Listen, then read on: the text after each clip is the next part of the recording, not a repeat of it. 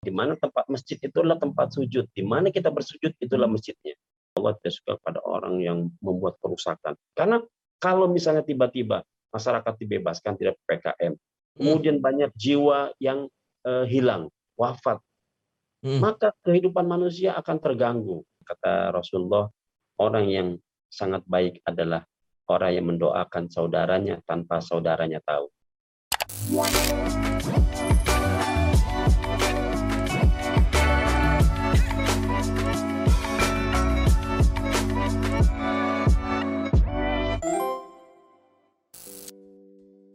Udah mau masuk uh, dua tahun pandemi, tapi ternyata masih banyak orang yang bilang, aduh aku mau ke masjid, tapi bingung. Aduh uh, mau sholat berjamaah, tapi takut tertular. Gimana, gimana ini sulit sekali, hanya ingin beribadah, tapi bertengkar sana-sini. Nah, makanya daripada kita bingung, hari ini podcast Bincang Cinta Zakat bersama saya Malik Wildan akan mengulas semuanya. Tentunya tidak saya sendiri, kita punya bintang tamu yang benar-benar akan mengulas uh, bagaimana polemik ini, kebingungan teman-teman semua akan dijawab oleh beliau hari ini. Assalamualaikum warahmatullahi wabarakatuh. Selamat datang di podcast Bincang Cinta Zaka. Nah, jadi uh, yang saya bilang tadi itu emang benar-benar menjadi apa ya? Kebingungan orang-orang. Ada yang bilang katanya, aduh, udah ninggalin sholat Jumat tiga minggu nanti takut dibilang kafir ada yang bilang jangan jangan ke masjid, jangan ke masjid. Tapi uh, ada yang nyuruh, ayo tegakkan agamamu, jangan takut corona, takutlah pada Allah. Waduh. nah, makanya yang benar itu gimana nih?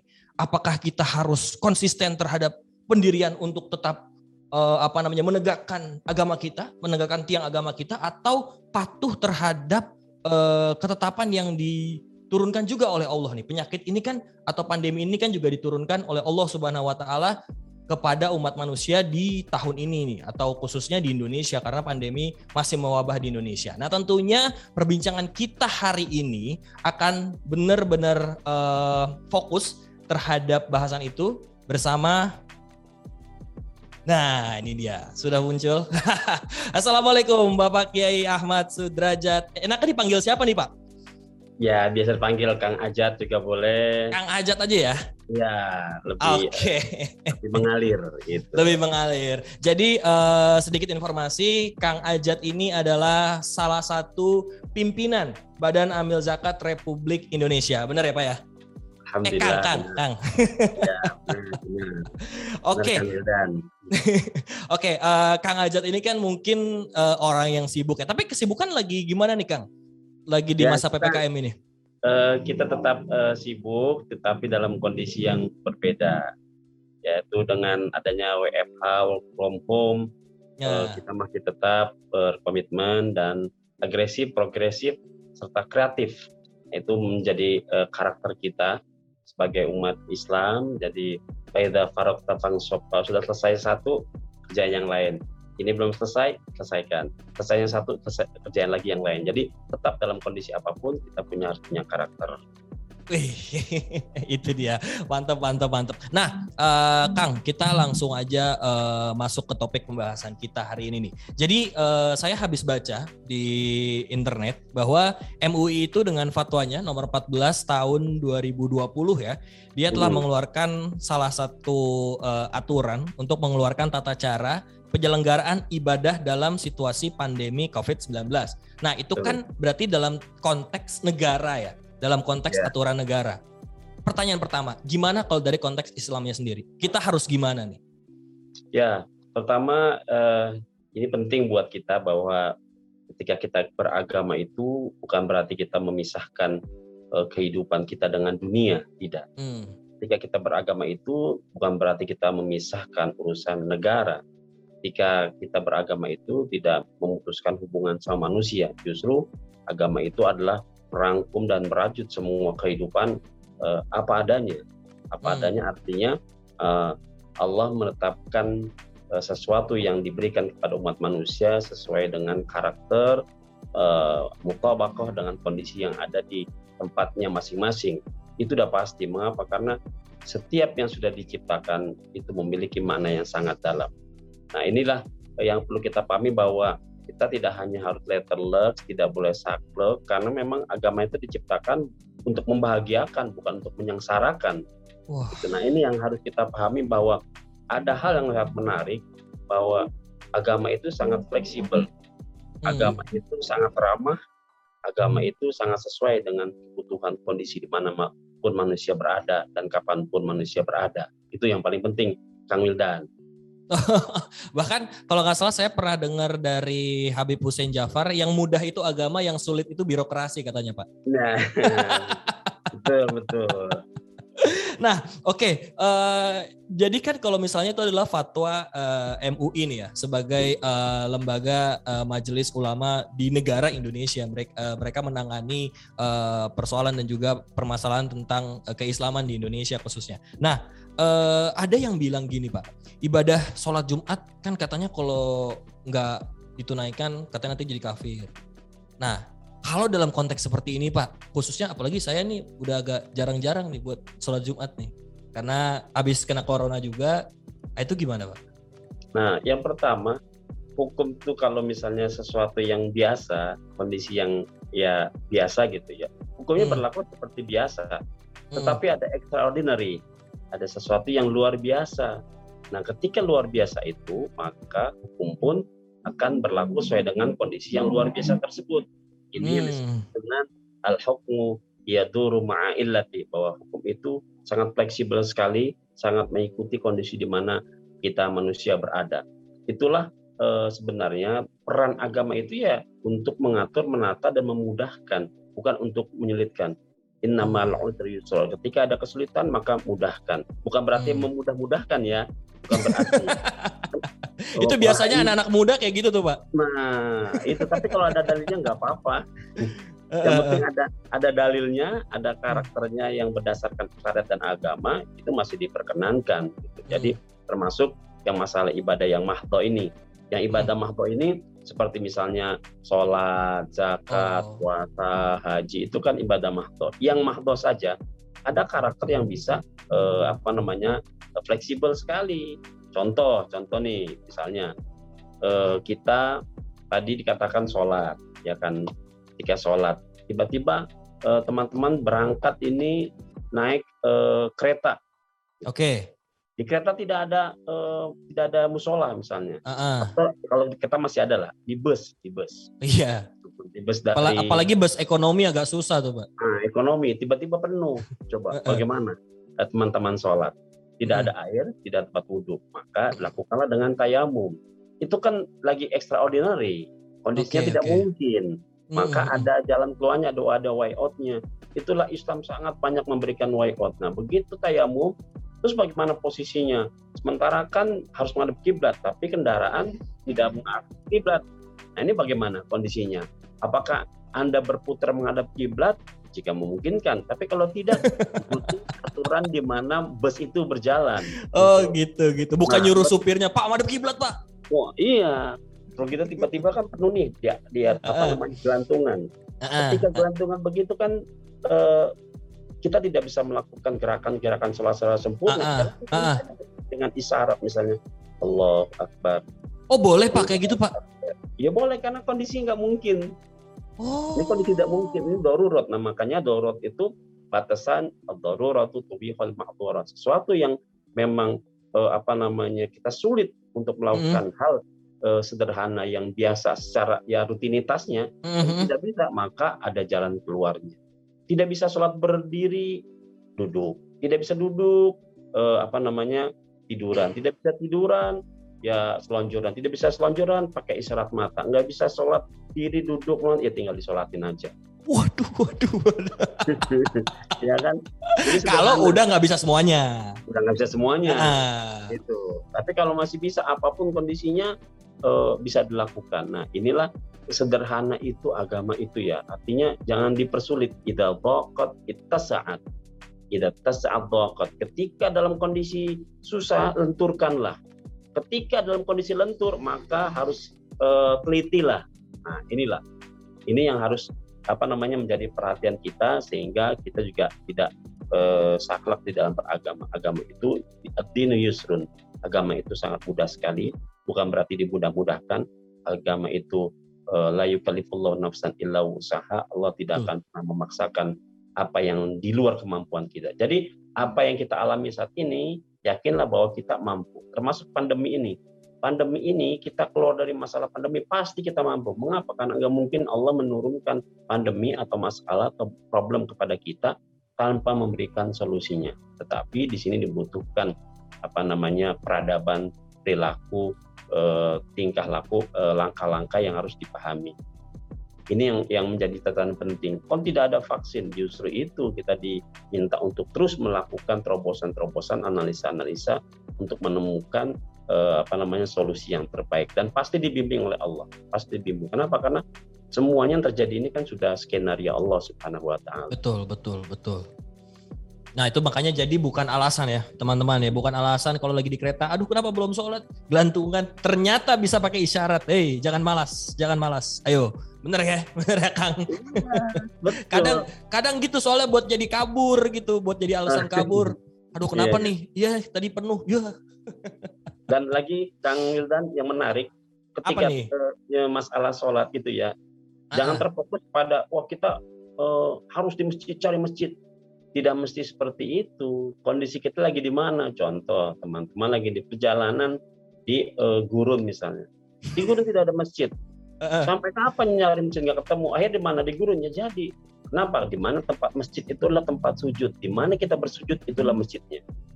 Oh. Kang Wildan lagi main wow. ke Ancol, lagi wow. main ke Ancol nih, wow. main ke Ancol. Tiba-tiba di Ancol misalnya ya atau wow. pantai mana sulit tidak ada uh, uh, musola, tidak ada masjid. Maka di pinggir pantai itu gelar tikar, gelar kapet atau gelar apa saja sholat di pinggir pantai. Oh. Sudah jadi Bismillah itulah masjid-masjidnya.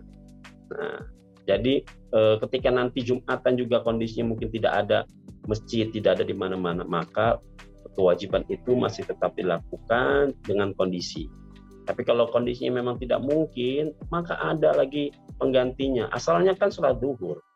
Iya, betul. Uh, kemudian Allah mengirimkan perintah pada Rasulullah uh, di kawasan Jum'ah, di kawasan uh, desa Jum'ah, kemudian melakukan uh, sholat Jumat tersebut. Nah, karena itu sampai sekarang di negara beberapa negara Timur Tengah kalau sudah melaksanakan sholat, misalnya hmm. di Syria nih, Mas Wilda hmm. di Syria, hmm. kalau hmm. sudah melaksanakan sholat, setelah itu masyarakatnya melaksanakan sholat duhur empat rakaat lagi. Coba. Oh, itu kenapa? Ya itu dalam rangka untuk ikhtiati satu itu, yang kedua untuk oh. lebih menyempurnakan, yang ketiga kalau ada kekurangan-kekurangannya tentu disempurnakan dengan itu. Artinya apa? jika teman-teman ragu-ragu, waduh saya sholat Jumat saya ini mungkin jangan nggak sempurna nih, udah saya hmm. sholat zuhur misalnya, tidak apa-apa, hmm. itu tidak apa-apa. Al yaqinu la yuzalu bisyak. Kemudian karena saya khawatir mungkin ketika khutbah Jumat itu ada syarat rukun imam yang tidak pas, kemudian hmm. Eh, kita sempurnakan dengan sholat duhur sebagai upaya untuk penyempurnaan buat diri kita. Nah ini salah satu cara untuk menjaga kehati-hatian. Di Jakarta tuh masih ada. Saya pernah eh, di Jakarta Timur sholat Jumat begitu sholat Jumat selesai tiba-tiba sholat lagi ah betul betul pak saya pernah juga pak iya saya tanya hmm. ini eh, kiainya siapa saya bilang oh kiainya ini pak oh uh, saya banyak tanya masyarakat oh ya artinya mereka melakukan sesuatu ke eh, apa namanya karakter masyarakat itu berdasarkan ada dalil-dalil ada landasan-landasan yaitu merupakan bagian daripada tata kelola ajaran dan manajemen agama kita. Jadi uh, indah sekali agama kita ini indah sekali. Jangan dipersulit uh, dan juga jangan dipermudah. Kenapa? Karena semuanya ada relnya, ada karakternya. Oke, okay, oke. Okay. Tujuannya. Ini betul, betul. betul. Nah, uh, gini Pak, uh, kan uh, seperti yang uh, apa namanya kita tahu ya bahwa kan pandemi COVID-19 ini uh, ditetapkan sebagai bencana nasional oleh uh, pemerintah Republik Indonesia dan dari situ keluarlah bermacam aturan dan regulasi ya termasuk PPKM yang membuat akhirnya yeah. kita jauh nih padahal harusnya di studio kita ya berdua nih ya. Iya, iya. nah, uh, kalau dari dari sudut pandang Islam sendiri nih Pak, apakah dengan kita mematuhi atau taat terhadap peraturan itu, apakah itu termasuk menjadi dalam tanda kutip ibadah buat kita sendiri? Karena kan akhirnya kita menolong orang lain, kita menyelamatkan keluarga kita. Betul. Itu Betul. gimana Pak? Ada eh, karakter beragama kita yaitu hifduddin. Hmm. Kemudian hifdun nafas, menjaga jiwa. Hmm. Kemudian hifdzul mal, menjaga harta.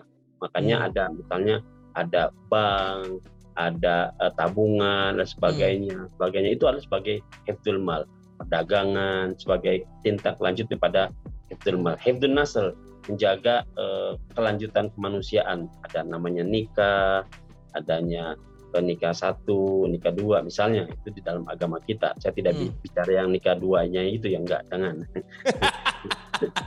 Oke, oke.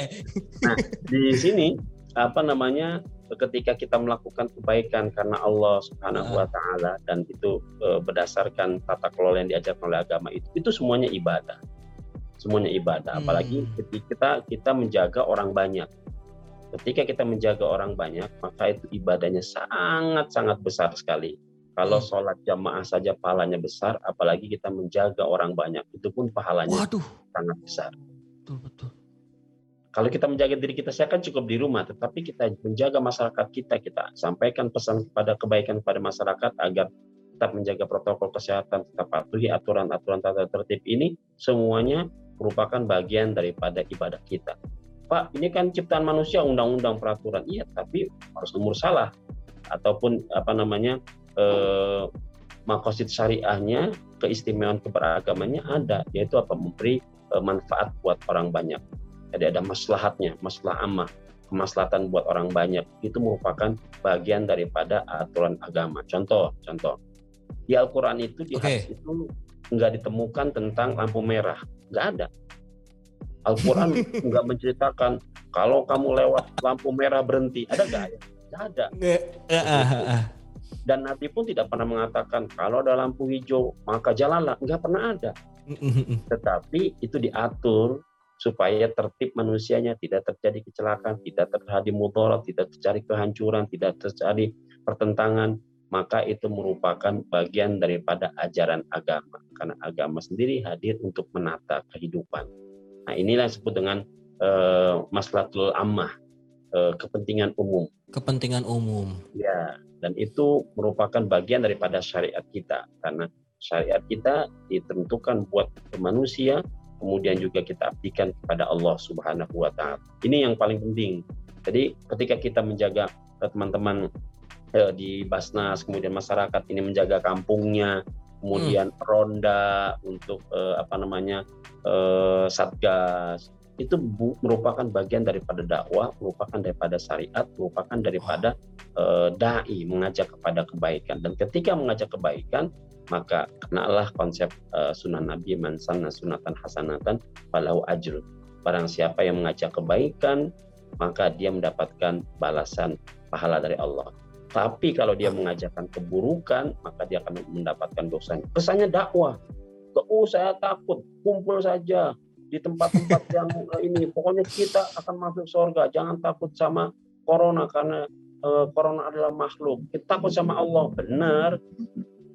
Omongannya sih, tapi balikin sama yang ngomong begitu. Besok kalau masuk kere- kereta api, udah jangan takut sama kereta api, takut sama Allah. Gimana coba? Iya kan sama, kereta api juga makhluk juga. Eh, betul betul betul Orang betul juga makhluk. Kita betul harus betul takut sama betul. Allah. Iya benar kita takut sama Allah, tapi ada sistem. Sistem itu mana buktinya? Allah memerintahkan kita sholat lima waktu. Ada waktunya, itu sistem time. Ya, sholat duhur nggak boleh dilakukan pada sholat eh, subuh. Sholat duhur Hmm. empat rakaat, asar empat rakaat, subuh dua rakaat. Itu manajemen Allah, tata kelolanya. Nah inilah eh, sesuatu hal yang perlu kita pahami bahwa semua yang kita jalani ini sudah ada eh, tracknya, sudah ada tata kelolanya. Masuk hal sifatnya darurat, di mana emergency, di mana extraordinary, itu juga sudah diatur oleh agama kita. Dan Rasulullah mengajarkan contoh, Rasulullah mengajarkan kepada kita, kalau kamu mendengar suatu kawasan, di sana terjadi ada suatu musibah atau pandemi, fala fiha. Jangan kamu masuk ke kawasan itu. Coba bayangkan. Tapi kalau Anda sudah ada di sana, kata Rasulullah, maka jangan keluar dari tempat itu, tetap ada di rumah. Itu kan bicara tentang P- P- PKM. PPKM. tentang- Iya, Ratusan tahun yang lalu bahkan ya. ratusan tahun yang lalu kan bicara lockdown. Itu bicara lockdown. meskipun tidak ada kalimat lockdown di, Rasulullah, tapi Ah, betul, Rasulullah betul. sudah mengungkapkan kalau kamu mendengar suatu kawasan ada bencana, maka jangan masuk ke kawasan itu. Mm-mm. Tapi kalau Anda ada di situ, maka jangan keluar. Ini kan lockdown bahasanya. Ini kan PPKM. Levelnya berapapun, ya kita tinggal lihat saja kondisinya. Kalau misalnya parah sekali, maka jangan haram. Bisa kita bisa haram malah. Bisa Oh. jatuh ke haram, memberikan kebahayaan kepada orang lain. Malah jadi haram, Pak. Iya. Kenapa? Karena bisa merusak orang lain. Dan Allah tidak suka. Inna Allah la yuhibbul mufsidin. Orang tidak suka. Allah tidak suka pada orang yang membuat kerusakan. Karena kalau misalnya tiba-tiba masyarakat dibebaskan tidak PPKM, kemudian banyak jiwa yang eh, hilang, wafat, Mm. maka kehidupan manusia akan terganggu. Satu. Hmm. Yang kedua, kalau orang dibebaskan ke mana-mana, kemudian banyak korban, banyak eh, orang tua mereka yang bekerja di kantor tiba-tiba kena musibah dan wafat, maka akan banyak lahir anak-anak yatim dan janda-janda. Kalau janda-janda muda masih mendingan ada Kang Wildan. Waduh, waduh. jihad ini. Tapi itu kan kita pikirkan bagaimana karakter sosial ke depan generasi anak-anak kita yang kehilangan orang tuanya. Nah ini kan juga harus ditata bahwa dengan ppkm, dengan adanya eh, pembatas-pembatasan ini sesungguhnya hanya untuk mengatur supaya perjalanan kita Hmm. ke depan lebih baik lagi, Mm. bukan lebih buruk lagi. Dan yang perlu dipahami Kang Wildan bahwa pandemi ini tidak hanya terjadi pada era ini. Di setiap Betul, masa betul, Pak. Betul. di setiap masa ada pandemi, setiap masa ada musibah, setiap masa ada ujian, dan itu semuanya eh, bagian daripada penyempurnaan kehidupan kita. Mm-mm. Itu dengan harapan adanya pandemi yang kita hadapi saat ini itu akan banyak satu temuan-temuan, temuan tentang obat, temuan tentang vaksin, temuan dengan macam-macam temuan. Orang mengkaji riset, orang cerdas melakukan terobosan-terobosan. Bayangin aja, yang tadinya tukang jahe nggak laku, sekarang laku. Oh iya benar. Kan? Karena berita acaranya jahe bisa ini. Nah, itu. Betul, betul, betul. Kemudian air tukang kelapa, wah Mm-mm. jadi laku sekarang. Itu kenapa? Karena tanpa disadari mungkin orang dulu jualan kelapa lakunya di bulan Ramadan, Kang Wildan. Iya. Tapi dengan adanya ini dibuatlah eh, apa namanya berita acara bahwa kelapa mampu bisa memberikan support buat kesehatan imun kita, akhirnya eh, menjadi laku. Ini kan manajemen Allah yang tanpa kita sadari bahwa meskipun mungkin mungkin ada teman saya cerita begini Kang Wildan. Ini jangan Boleh, boleh. Apa nih? ini jangan-jangan ya bikin berita tukang kelapa nih gitu katanya. Masalahnya agak repot Pak kalau tukang kelapa bi- harus bikin berita, mereka buat mikir dapat penghasilan hari itu aja dia udah capek nih. iya iya iya. Ah, ah, Oke, gimana tuh Pak ceritanya Pak? Ya tadi itu ceritanya kawan saya bilang wah ini Kang Ajat kayaknya nih ya, yang buat cerita kelapa jangan-jangan ada eh, skenario dari tukang kelapa nih biar menaikkan ratingnya katanya. Waduh, waduh, waduh. Padahal itu kan memang rahasia Allah. Ah, ah. Artinya semuanya bisa memungkinkan. Justru ini menjadi lahan terbuka buat kita untuk berkreativitas, menciptakan terobosan-terobosan. Bukankah kita lihat seluruh dunia sekarang ini yang yang selanjutnya bahwa itu problem bukan hanya di Indonesia saja kan. Betul. Jadi seluruh dunia. Jadi Mm-mm. kadang-kadang saya ini aneh eh, lihat berita-berita Eh, seolah-olah kita Termasuk ini, yang tukang kelapa tadi. iya seolah-olah kita ini paling kacau gitu. Padahal Iya, masih ada iya. lagi negara yang lebih kacau. Tetapi kan kewajiban kita memang saling mengingatkan.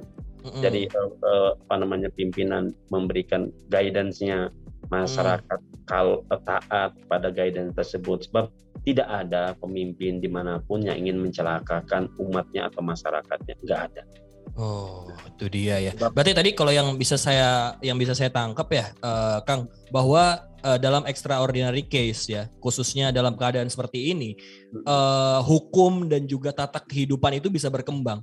berkembang sangat berkembang sekali. Karena Oke, itu ya turun latih karena sesuai dengan harapan-harapan apa yang ingin dicapai oleh manusia di situlah perkembangannya jadi dinamisasi kehidupan bermasyarakat bernegara beragama itu sangat-sangat dinamis. Karena itu Rasulullah ngasihnya isyarat kan tidak menyebutkan sebuah konteks eh, suatu eh, problem tapi isyarat misalnya begini kalau tadi saya ceritakan hadisnya Hmm. kalau ada kalian dengar satu kawasan ada problem atau Ya, ada Ada bencana, wabah. ada wabah, maka jangan Hmm. masuk. Itu kan tidak disebutkan kalau ada COVID kan enggak Mm-mm. Gitu, tapi menyebutkan secara umum. Tetapi Hmm. itu sesuai dengan konteks yang akan kita hadapi di Betul. masa-masa yang akan datang. Iya. Kecuali Ya, dulu kalau- mungkin di Madinah ada dishub kali ya. Ya.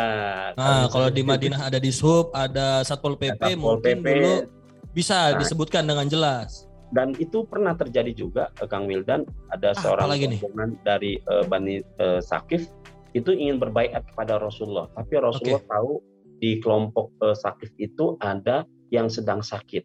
Mm-mm. ada yang sedang sakit dan sakitnya menular. Akhirnya kata Rasulullah eh, saya sudah terima baiatnya eh, sahabat-sahabat sekalian maka kembalilah kalian ke tempat kalian. Dan belum bertemu dengan Rasulullah tapi sudah disampaikan berita bahwa eh, Rasulullah sudah menerima baiatnya dan Hmm. diizinkan untuk kembali. Karena Rasulullah tahu di situ ada yang sedang kena Oh. eh, apa namanya ada yang kena bawa penyakit yang menular.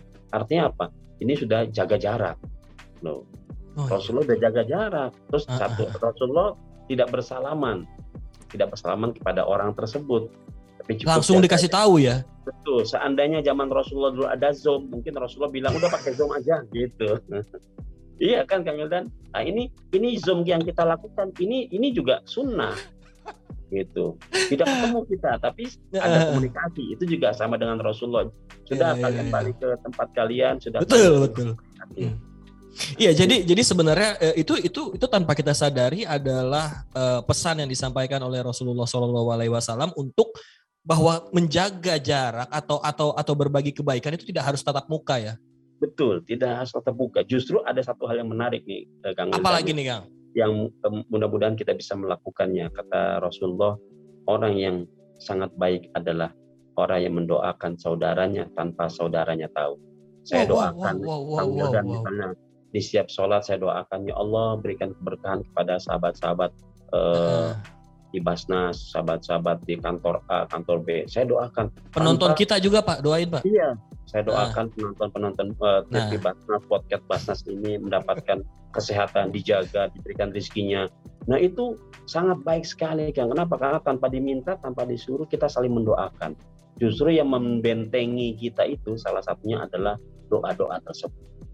Wow. Nah, tadi kan eh, Kang Ajat bilang nih bahwa eh, syiar kebaikan adalah salah satu bentuk dari usaha kita dalam beribadah.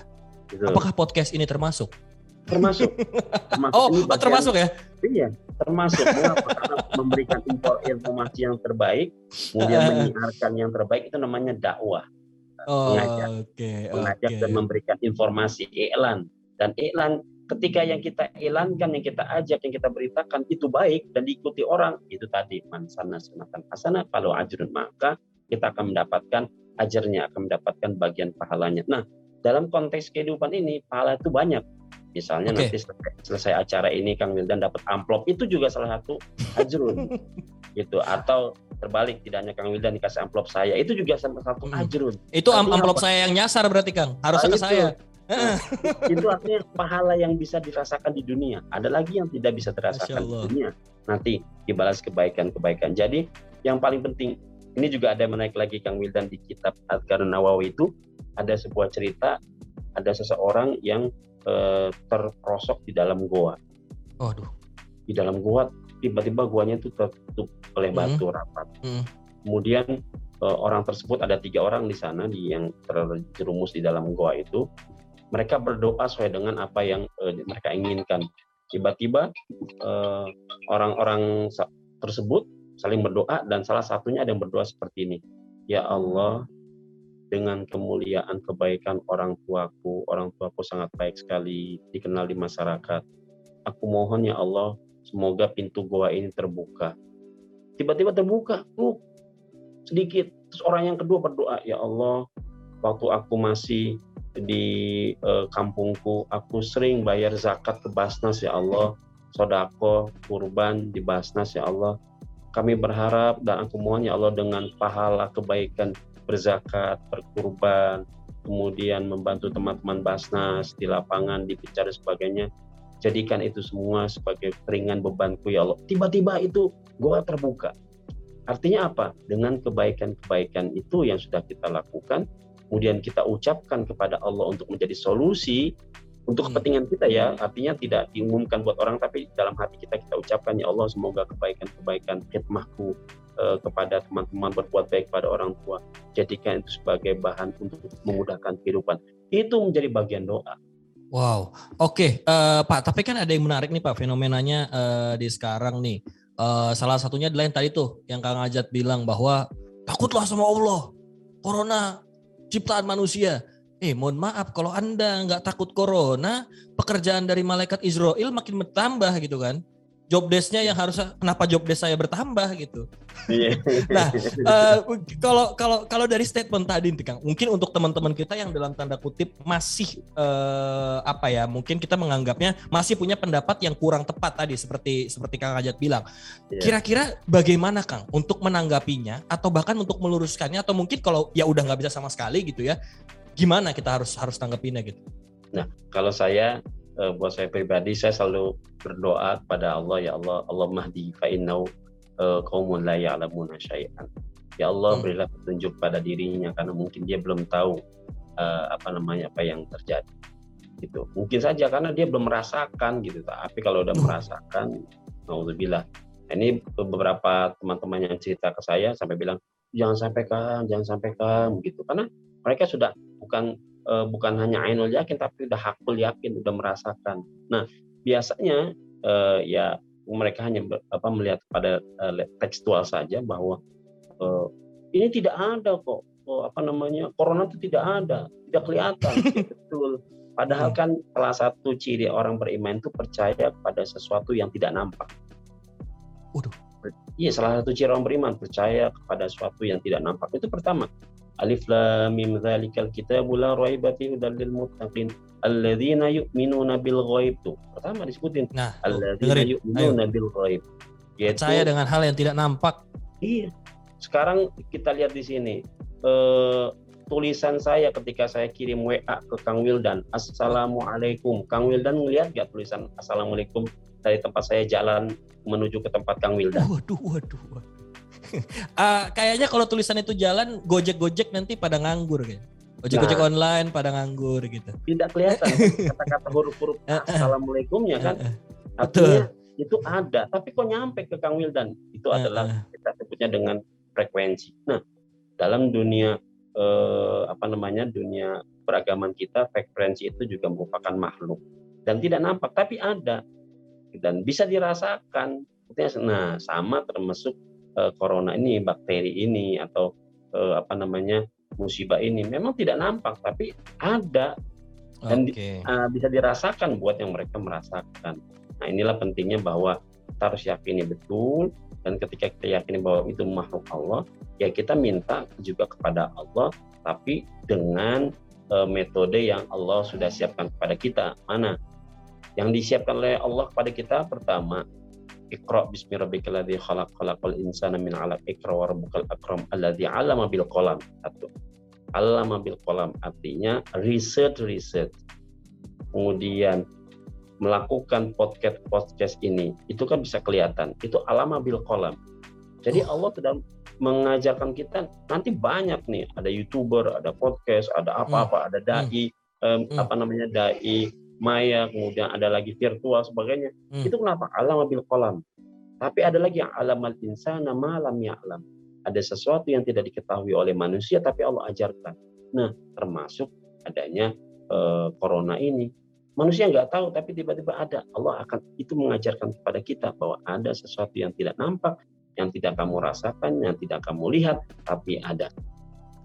Dan buktinya. Dan itu salah satu bagian daripada ikro. Bacalah, bacalah, analisalah, analisalah, risetlah, perhatikanlah. Di situ akan lahir kan, akan lahir banyak temuan-temuan. Bayangkan dengan adanya corona ini, orang sering melihatnya secara garis uh, negatif. Hmm. Tapi kalau garis positif, mana ada sekarang? Masuk wisma atlet. Kalau garis ya. positif masuk wisma atlet.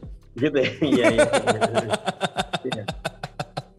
Kalau uh, kita tidak pernah dengar Zoom, kita tidak pernah hmm. dengar uh, apa namanya uh, yeah, Google betul, Meet. Betul. Tapi sekarang orang sudah ada Google Meet, ada Zoom. Orang tidak pernah mengenal email. Sekarang mulai dengan email, dulunya dengan post, sekarang dengan email dan semuanya uh, berjalan apa adanya. Yeah, yeah, ya. Itulah yeah. yang disebut dengan new normal. Artinya sebenarnya kehidupannya normal-normal saja, cuman harus di newin. Gitu. Yo, eh. Alhamdulillah podcast ini berkah tadi ya Allah. Iya. nah, Oke, uh, kita masuk ke ke sesi pertanyaan nih. Tadi uh, ada uh, salah satu uh, akun yang bertanya. Ini mengenai topik kita kali ini nih, Kang. Jadi yeah. uh, dia bertanya, uh, Assalamualaikum uh, Kiai, apakah boleh sholat di masa kon, uh, apa pandemi COVID-19 ini imamnya pakai Zoom dan makmumnya masuk Zoom meeting? Gagas Aulia nih. Ayo. Nah. Anda tanggung jawab sudah bertanya ya. Ayo. Masa ya. ini eh, webinar ini bukan masa masjid pakai webinar. Mohon maaf gimana tapi nih Kang? Mau ditanggapi Baik. pertanyaan ini nih. Baik, terima kasih. Eh, pada suatu hari saya ke Maroko nih Kang Wilda. Oke. Okay. Maroko ini eh, cerita yang eh, realitas terjadi dan Kang Wildan kalau ke Maroko akan merasakannya juga. Tapi saya eh, tidak Maroko, Kang. Karena Maroko tidak, tidak ya? sehat oh, untuk paru-paru. Enggak punya korek ya? Iya. Enggak punya korek. Oke, lanjut, lanjut, lanjut.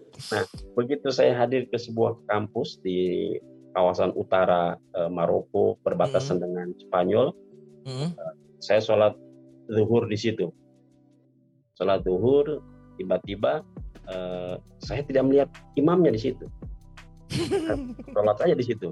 Kemudian tiba-tiba ada TV oh hmm. gitu oh TV sholat selesai assalamualaikum assalamualaikum. Saya tanya sama uh, anak Indonesia yang kuliah di situ.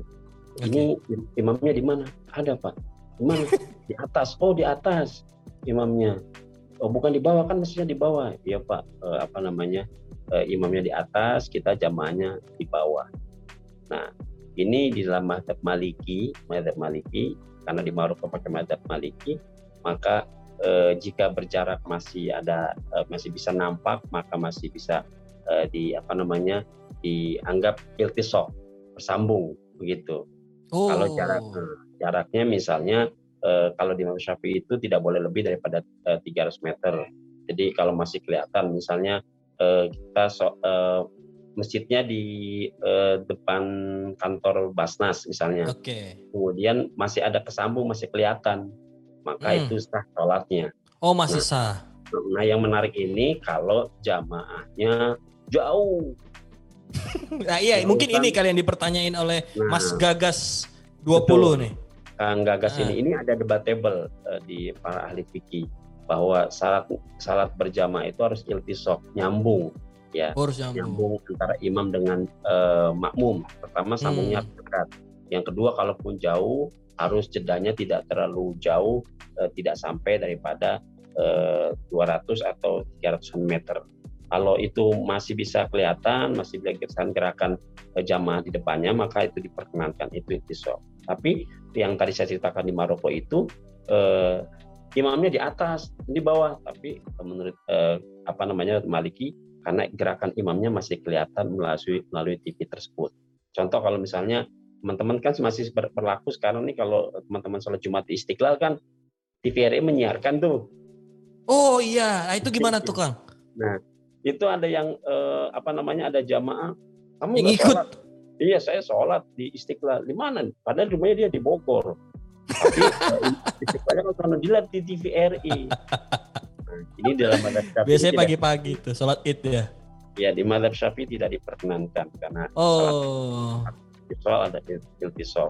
Kalau di madhab maliki eh, masih eh, diperkenankan kalau jaraknya memang tidak terlalu eh, jauh ya eh, paling jauh eh, 300 meter. Tapi kalau lebih dari itu eh, ulama jumhur mengatakan eh, tidak eh, di apa namanya tidak dianggap atau tidak diperkenankan. Nah ini bagaimana kembali kepada pilihan-pilihan kita. Pilihannya bagaimana? Karena kan kondisi kita nih Hmm. Kalau misalnya sholat-sholat uh, yang uh, fardu mahto biasa kita lakukan duhur asar kan bisa di rumah itu hmm. dan jamaahnya imamnya bisa dengan keluarga kita gitu. Hmm. Tapi yang sholat Jumat ini Pak bagaimana? Sholat Jumat itu juga bisa dilakukan di uh, kawasan di mana masjid yang dekat dengan rumah kita. Meskipun mestinya uh, sunnahnya itu di jame, masjid besar, masjid agung ya. Tapi kalau sekarang kan sudah tidak mungkin orang Cibinong harus ke Istiqlal. Ya di Bogornya ada masjid agungnya, maka boleh di sholat di masjid agung tersebut. Tapi kalau oh. tidak ada, jadi ya masjid-masjid di mana yang memang melebihi karakter uh, yang ditetapkan di dalam setiap acara kita. Misalnya Madhab Syafi'i harus lebih daripada 40 orang. Ya, ya. Kemudian ada lagi yang madhab yang lainnya, ya cukup 12 orang uh, boleh gitu. Ada lagi yang menyatakan bahwa cukup uh, khotib dan uh, makmum aja dua orang imam dan makmum hmm. itu juga boleh. Nah itu dalam kondisi di mana tidak ada orang lagi.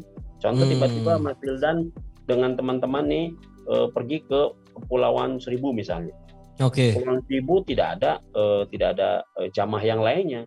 Hanya hmm. yang sebetulnya yang ikut uh, yang ikut itu cuma lima orang gitu, yang laki-laki, yang sisanya perempuan. Hmm. Makanya lima orang itu untuk mengukurkannya bisa dua hal. Pertama melakukan sholat Jumat dengan mengikuti tah apa namanya helah dengan madhab yang lain. Hmm. Kemudian disempurnakan dengan sholat zuhur untuk uh, lebih ikhtiatinya itu satu sisi atau satu sisi lagi tetap sholat Jumat dengan apa adanya, tidak melaksanakan sholat zuhur. Jadi tinggal pilihan kita. Jadi jangan e, kalau saya e, mengambil sesuatu yang semuanya bisa dijamu banyak dalil lain, dikumpulkan antara dua dalil. Oh betul. Mau nikmat, misalnya mau nikmat ya lakukan yang sholat Jumat tadi yang empat, e, empat orang, kemudian lakukan sholat dua anteng.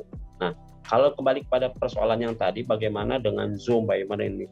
Saya, eh, yeah. saya jujur, saya lebih kepada pendapat hati-hati, eh, yaitu sebaiknya kita mengikuti syarat rukun yang bisa kita lakukan sesuai dengan kebanyakan jumhur, kebanyakan ulama berpendapat gitu. Oh, Jadi okay. bagus seperti yang bisa kita lakukan seperti biasa. Karena yeah. Zoom, eh, Zoom dan sebagainya nanti kalau misalnya terganggu jaringannya tiba-tiba eh, 40 menit tiba-tiba terputus dua menit atau jaringan uh -uh. putus. I imamnya udah assalamualaikum, makmumnya masih sujud deh. Masih sujud. Nah, kan, kan tidak tidak tidak sempurna. Atau imamnya udah sholat zuhur, makmumnya masih sholat subuh ternyata. Lama banget subuhnya. ya, karena karena sholatnya imamnya di Amerika, makmumnya ada di. Waduh, uh, waduh. beda waktu kan. Oke, okay, uh, eh, Kang, ini mungkin ke pertanyaan yang uh, lebih mengarah ke Basnas nih uh, selaku Kang Ajat sebagai salah satu pimpinan. Uh, yang kita tahu kan di pandemi COVID-19 ini kan ternyata nggak cuma melahirkan masalah, tapi juga banyak orang-orang dermawan nih banyak orang-orang yang mungkin Kang Ajat bisa lihat lah ada selebgram atau youtuber yang kita tidak tidak usah sebut namanya ngasih uh, sembako atau ngasih apa pun gitu di jalan. Nah tapi ada nih fenomena yang saya lihat waktu itu di sebuah jalan di Jakarta Selatan uh, orang ini baik. Kita harus sepakat dulu orang ini baik dia ngasih uh, sembako di jalan. Tapi gara-gara dia ngasih sembako masyarakat berkumpul ngantri bahkan ya Allah yang mungkin tadinya suspek corona di situ cuma lima gara-gara si orang dermawan ini bisa jadi 100 nah itu gimana Kang? Apakah memang dalam agama kita ketika aku ingin berbuat baik aku ingin berbuat baik aku akan melawan semua aturan itu gimana Kang? Nah, meskipun niatnya baik gitu ya. Tuh satu hal yang uh, perlu kita uh, perhatikan juga Kang Wildan bahwa berbuat baik itu dengan cara yang baik. Nah sebab eh, kadang-kadang uh, berbuat baik tapi dengan cara yang tidak baik. Misalnya anda bilang ngasih tahu ke orang anda tidak benar anda benar. Padahal yang diinginkan Kang Wildan baik. Tapi karena hmm. caranya tidak baik akhirnya orang menanggapnya tidak baik. Hmm. gitu. nah ini juga jadi cara kaif. Jadi dalam agama itu juga kaif kaifiyah cara. Kaif, itu penting ketika sholat ya sholat sudah azan udah koma sholat. Tapi caranya ada apa? Takbir itu penting. Kemudian hmm. menghadap kiblat. Itu kaifiahnya. Sama dalam berbuat baik e, bersodako mestinya ketika kita ingin niat melakukan itu kita juga harus pertimbangkan bahwa kan tidak diperkenankan ada orang kumpul. Kalau kumpul itu akan menimbulkan marah bahaya. Ini tidak hanya di covid saja ya. Misal di idul fitri itu orang oh iya betul. kadang kan banyak kasusnya ya Kang, yang bahkan ya, lansia terinjak-injak. Mohon maaf Jakarta. mereka bantuan gak dapat pijet ke sangkal putung pulang-pulang. Akhirnya kan pada pada ini semua pengkor semua karena keinjak-injak kan. Dapatnya dua puluh ribu, pas habis buat pijet ntar. Urut lima puluh ribu kan tekor bandar. nah itu gimana Kang? Nah, kembali saya uh, saya sampaikan bahwa uh, ada caranya yang sangat baik dengan cara yang sangat baik itu perlu diperhatikan. Jadi eh, tidak hanya cukup niat baik, tapi caranya harus dengan baik juga. Nah, cara ini kan banyak sekarang. kalau kita ingin menyalurkan sendiri katakanlah mungkin oh saya tidak mau melalui lembaga amil zakat dia monggo ya. karena dia merasa uh, pengen puas gitu loh betul, atau betul. merasa ya dalam tanda petik ada hal-hal lain kepentingan-kepentingan lain ya ketika dia ingin lakukan itu tentunya itu kembali pada dirinya tapi caranya harus juga dengan baik tidak menimbulkan uh, marah bahaya tidak merusak dari niat yang baik tadi tersebut misalnya contohnya dia bisa datang ke rumah-rumah dengan cara diam-diam seperti sahabat Umar bin Khattab. Oh. Ya kan? Kemudian tidak menampakkan siapa yang memberi. Uh, oh. Kemudian betul, juga betul. Uh, membuat panitia di tempat itu. Jadi Memanggil. ada ada kaidahnya ya dalam berbuat ya, kebaikan pun ya. Betul, berbuat kebaikan. Ada SOP-nya, ada SOP-nya mungkin SOP kalau bahasa sekarang. Ada, uh ada sistemnya, ada manajemennya berbuat baik itu harus dengan cara baik. Rasulullah Shallallahu Alaihi Wasallam juga pun demikian ketika beliau uh, mengatur tentang tata kelola filantropi ini zakat infak sedekah dan sebagainya beliau pun melakukan dengan membuat baitul mal wa tamwil memanggil uh, tokoh-tokoh sahabat-sahabat untuk memberikan kepada orang-orang yang terdekatnya malah beliau menyampaikan kalau perlu ketika kita menyumbang tangan tangan kanan tangan kiri nggak boleh tahu itu kan hmm. suatu sistem karakter SOP yang sudah diajarkan oleh Rasulullah Betul. Nah ini kecuali kalau kidal mungkin ya. Kalau kidal tangan nah, kirinya tahu terus. Kidal, tangan kiri memberikan, tangan kanan megangin. Dia tetap jaga tangan kanan kan gitu.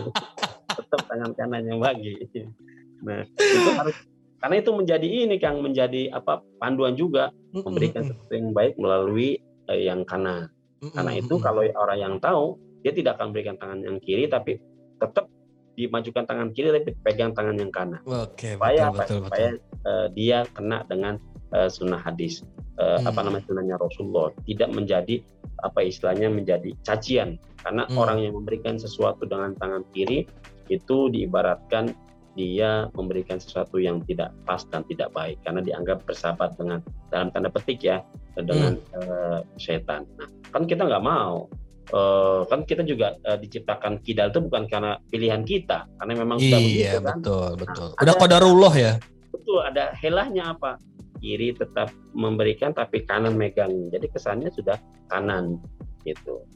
Ini salah oh. satu trik bukan bukan bukan trik yang uh, mengerjai enggak tapi memang salah satu uh, solusi untuk kita tidak melanggar tapi dengan cara yang baik. Termasuk tadi ketika memberikan bantuan-bantuan bagus niatnya dan bagus apalagi banyak sekali yang dibantunya tapi eh, dengan cara yang baik dengan cara misalnya memberikan tanpa diketahui orang waktunya mungkin orang eh, pada saat eh, orang-orang sepi tidur atau bagaimana atau malam seperti yang dilakukan oleh para sahabat ya, atau betul, betul. memanggil eh, panitia atau teman-teman secara bersama-sama dan mengatur strategi bagaimana ini memberikan kebaikan tapi tidak melanggar tatanan kebaikan. Gitu. Dan apalagi skala sekarang lebih mudah ya dengan adanya internet, dengan adanya oh, iya. banyaknya lembaga lembaga zakat gitu, khususnya Betul. Basnas terutama itu kan jadi lebih mudah ya iya, daripada keluar-keluar kan, gitu. Kan mungkin. bisa dengan transfer juga sekarang -hmm. dengan ada internet banking, kemudian juga ada uh, apa namanya Basnas online, kemudian -hmm. juga hal-hal yang sifatnya tanpa diketahui, kemudian meminta orang lain untuk memberikannya dan itu pun juga tanpa ketemu juga bisa karena sekarang mm -hmm. zaman teknologi. Wah Pak, ini masalahnya kan kita orang uh, gaptek Pak, ini kita kan kom kolonial bukan milenial, bagaimana dong? Waktunya kita tinggal setting bagaimana uh, waktunya, tempatnya, hmm. kemudian uh, apa kerja timnya dan sebagainya. Sebenarnya sangat mudah sekali uh, iya. bisa kita lakukan. Cuman kadang-kadang Kang Midan ada seseorang ingin melakukan kepuasan sesuai dengan keinginan dirinya. Nah, uh, ini mungkin ini mungkin off the record Pak. Uh, pertanyaan uh, apa namanya rasa penasaran saya, apa hukumnya dengan orang yang seperti itu? Yang misalnya kayak ada ke, rasa keinginan nih kalau gue belum belum belum berbagi nih dan belum dilihat orang, kayak kurang nih. Padahal kan seperti yang tadi Kang Ajat bilang, ya kalau bisa berbagi itu bahkan ya kayak dalam tanda kutip mungkin kalau di pop culture seperti Robin Hood gitu kan. Iya iya. Gak, iya, ya. tahu gitu. Nah itu gimana Kang? Ini ada cerita yang menarik di Irak kan. Ada seorang, seorang ulama mm-hmm. uh, umurnya 100 uh, eh, lahir tahun 150 tahun namanya uh, Al Ayat. Nah, mm. ketika ayat ini bilang begini, kalau kalian sholat, mm. sholat tapi takut karena tidak uh, dihargai orang lain, itu musyrik. Padahal urusan musik itu kan kita kepada Allah, ya kan? Kalau kita melakukan menduakan Allah itu musik. Tapi ini kata uh, Qadiyat ini bilang bahwa kalau kalian uh, melakukan sesuatu karena manusia itu musyrik. Gitu. Ini ulama yang bilang ya? Iya, ulama yang bilang. Eh teman-teman Jadi yang kalau- ngaji dan sholat diupload di Instagram kalian musyrik tuh. Ini ulama yang bilang ya. Iya, ulama bukan saya Ulama. dan Bukan saya ya, bukan Betul. saya dan bukan Kiai Ajat ya yang ngomong ya. Betul. Ini ulama. Ini ulama yang hidup di Baghdad. Pada waktu itu. Itu itu terkenal sekali. Kalau teman-teman ingin tahu ungkapan ini ada di kitab dalam kitab Adkarun Nawawi. Heeh, Beliau heeh. menceritakan itu dan eh, menyampaikan bahwa kalau kita eh, melakukan sesuatu hal karena orang lain, maka itu bukan bukannya ria Kang. Jadi eh, bukannya ria tapi musyrik malah lebih tinggi loh. Oh, Iya, waduh, saya bilang aja juga ya. Tapi kalau kita eh, apa namanya takut kepada Allah, Heeh. itu malah eh, apa namanya kita takut kepada orang lain, itu malah ria. Gitu. oh, ah, saya paham, saya paham. Karena ada ada ada ketakutan yang lain yang dia Iya, alami apa? Oh, oke, oke, oke. Wah, kalau ini kalau misalnya Kang Wildan mau ke rumah apa apa ke ke calon mertua gitu kan ada sholat maghrib langsung, wah langsung adzan, Allahu Akbar, Allahu Akbar. Maklum di depan calon mertua.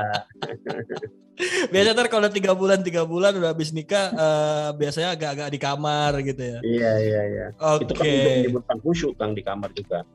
Ah, Kalau meskipun tidak ada yang tahu. Iya, kalau niatnya Kang Wildan untuk khusyuk kan juga nggak apa-apa begitu. Kan Oke. berja- berjamaahnya dengan dengan istri misalnya juga nggak apa-apa gitu. Eh, eh, Kecuali istrinya ambil live Instagram di belakang. nah, sebelum kita ke pertanyaan terakhir atau sebelum kita tutup eh, perbincangan seru kita dengan Kang Ajat nih hari ini, banyak orang yang mungkin taunya Kang Ajat adalah seorang eh, kiai, seorang eh, pimpinan dari sebuah lembaga amal nasional di Republik Indonesia. Mungkin banyak yang ingin tahu juga sebenarnya rahasia-rahasia kecil dari Kang Ajat. Kita langsung quick question. Siap ya Kang Ajat ya? Ya, Ini pertanyaan-pertanyaan yang meresahkan Indonesia, bahkan memecah belah Indonesia nih. mantap. Oke, siap ya. Kita mulai. Tenang, nggak banyak kok pertanyaannya. Yang pertama, mie goreng atau mie rebus? Mirbus. Mie rebus. Oke. Yang kedua, bubur diaduk atau nggak diaduk? Jadu, Diaduk. Teh manis atau teh pahit? Teh Santi. Aduh. Nanti yang namanya Santi agak, "Ah, kenapa aku dipanggil gitu kan? Oke. Teh panas. eh, tadi apa? teh- Teh? Tadi teh apa? teh panis, teh manis atau teh pahit? Teh pahit. Teh Karena pahit. saya sudah manis. Karena saya sudah manis kan. Oke, ya ini ini juga sering menjadi kegaduhan. Kopi hitam atau kopi susu? Kopi hitam. Karena yang hitam itu manis-manis dan pasti dikejar. Kereta api dikejar. Oke, ini yang Kalau kopi- terakhir. Kalau kopi susu repot saya kan. ini yang terakhir. Jika saya tidak menjadi eh, Kang Ajat yang saat ini, saya akan menjadi Menjadi Ahmad Sudrajat. Oke, oke, oke. Eh, terakhir deh, eh, apa namanya? Sebelum kita tutup perbincangan kita yang eh, seru juga tadi ya, sampai kita banyak menyinggung banyak Yang, hal. yang seru nih kalau kita offline sebenarnya Kang eh, Wildan. Waduh. Iya, kalau banyak kita banyak ba- eh, betul betul betul. Kalau kita sa- tos-tosan gitu. langsung di sini ya, Iya. mungkin wah. nanti, mungkin di di episode lain dengan topik yang lain, yang topik yang lebih seru lagi, yang lebih tajam lagi. Oke, Topik mana Eh, nih? Topik hidayat atau topik siapa? waduh, rata-rata memang humor pendakwah seperti itu ya. Kan Anda sudah tidak merokok gitu. Oke, eh, gini Kang, Eh, mungkin terkait dengan eh, posisi Kang Ajat juga sebagai salah satu pimpinan dari Badan Amil Zakat Republik Indonesia, kan eh, banyak nih apa namanya keadaan khususnya pandemi ini ya, maksudnya pandemi COVID-19 ini yang sudah melanda Indonesia dan juga banyaknya kejadian-kejadian lah yang dialami oleh teman-teman di luar sana. Kira-kira pesan dari atau mungkin sebenarnya saya tidak kita tidak mengharapkan ada pesan moral dari konten di hari ini tapi mungkin dari Kang Ajat sendiri kira-kira benefit atau pesan apa ini yang kita dapat dari podcast kita hari ini? Yang pertama, ini momentumnya sangat pas sekali karena kita akan berada memasuki di tahun baru Hijriah 1443 dalam eh, waktu dan jam kita akan eh, masuk ke uh, tahun baru Hijriah. Dan mudah-mudahan ketika kita sudah berada dan sudah melewati itu, kita tetap istiqomah berkhidmah kepada uh, masyarakat dan kita beribadah kepada Allah dan Rasulullah dengan cara berkhidmah membuat pelayanan yang terbaik pada masyarakat dalam kondisi apa pun. Itulah bagian daripada jihad kita. Jihad kemanusiaan. Ini yang paling penting uh, buat kita. Jadi lahan ibadah kita uh, kepada Allah dan khidmat kita pada Rasulullah yaitu memberikan pelayanan yang terbaik kepada masyarakat dan umat dengan uh, niat membangun uh, kemanusiaan. Ini kan yang paling penting di kondisi pandemi ini. Wah, luar biasa. Jadi eh, yang bisa saya simpulkan ya dari dari pertemuan kita hari ini karena eh, saya mau dapat ngambil judul nih, kenapa baru sekarang sibuk ke masjid gitu loh. Ketika yeah. ketika dulu-dulu nggak ada pandemi, kenapa Anda di rumah dan baru sekarang takutlah takutlah sama Allah, takutlah gitu. Nah, Oke, uh, yang bisa saya simpulkan adalah bahwa uh, Kang Aja tadi bilang di mana pun tempat kita berpijak, di situlah sajadah kita ya Kang. Ya, betul. Uh -uh. Jadi bukan lagi alasan bergelantungan di kereta tidak sholat, atau lagi guling-guling di kasur tidak sholat, itu bukan lagi menjadi sebuah alasan. Kang Ajat, terima kasih banyak atas terima waktunya. Terima kasih Kang Medan, mohon maaf terima nih. Terima kasih banyak. Uh, suasana kita agak berjarak karena kita iya. memang menjadi orang yang harus patuh pada betul manajemen betul Allah ah. manajemen pemerintah. Mudah-mudahan kita doakan semoga uh, pandemi ini cepat berlalu dan cepat kita bisa melakukan uh, normalitas kehidupan seperti biasa dengan tetap menjaga kebersamaan. Ya. Betul dan seperti yang tadi Kang Ajat bilang agar job desk dari malaikat Israel tidak menjadi lebih banyak ya. Ya. satu satu uh, oh. hal uh, yang memang juga menjadi catatan Kang uh, tentunya kita harus saling memberikan pemahaman sesama kita betul, saling betul. Uh, tetap menjadi bagian daripada membangun solidaritas sesama anak bangsa itu yang paling penting karena kalau betul. sudah solid aman kondisi terkendali maka semuanya akan bisa berjalan dengan baik jadi kepentingan-kepentingan negara untuk mengatur itu adalah dalam rangka untuk membangun kehidupan jangka panjang, bukan jangka pendek saat ini. Itu sebenarnya harus dipahami oleh masyarakat. Baik, oke. Uh, terima kasih banyak uh, Kang Ajat atas waktunya. Saya doakan sehat terus, tetap amin, amin, amin. Uh, berkarya, tetap berkreasi dan tetap amin. menginspirasi orang-orang di sekitar Kang Ajat di kantor, di rumah ataupun di mana pun. Terima kasih, Kang Ajat. Saling mendoakan, sama-sama Kang Ajat. Salam buat seluruh pemirsa TV dan podcast Basnas. Uh, semoga kita saling mendoakan, saling menguatkan. Allah ya fatkum wa yara'akum dan yakinlah kita pasti akan bisa melewati badai pasti berlalu. Wah itu dia dan juga selain prokes prokes prokes kalau kata Kiai Ajat hari ini sholat sholat sholat sholat. Baik Kang Ajat terima kasih banyak atas waktunya sampai jumpa di lain kesempatan. Assalamualaikum bye bye. Waalaikumsalam warahmatullahi wabarakatuh.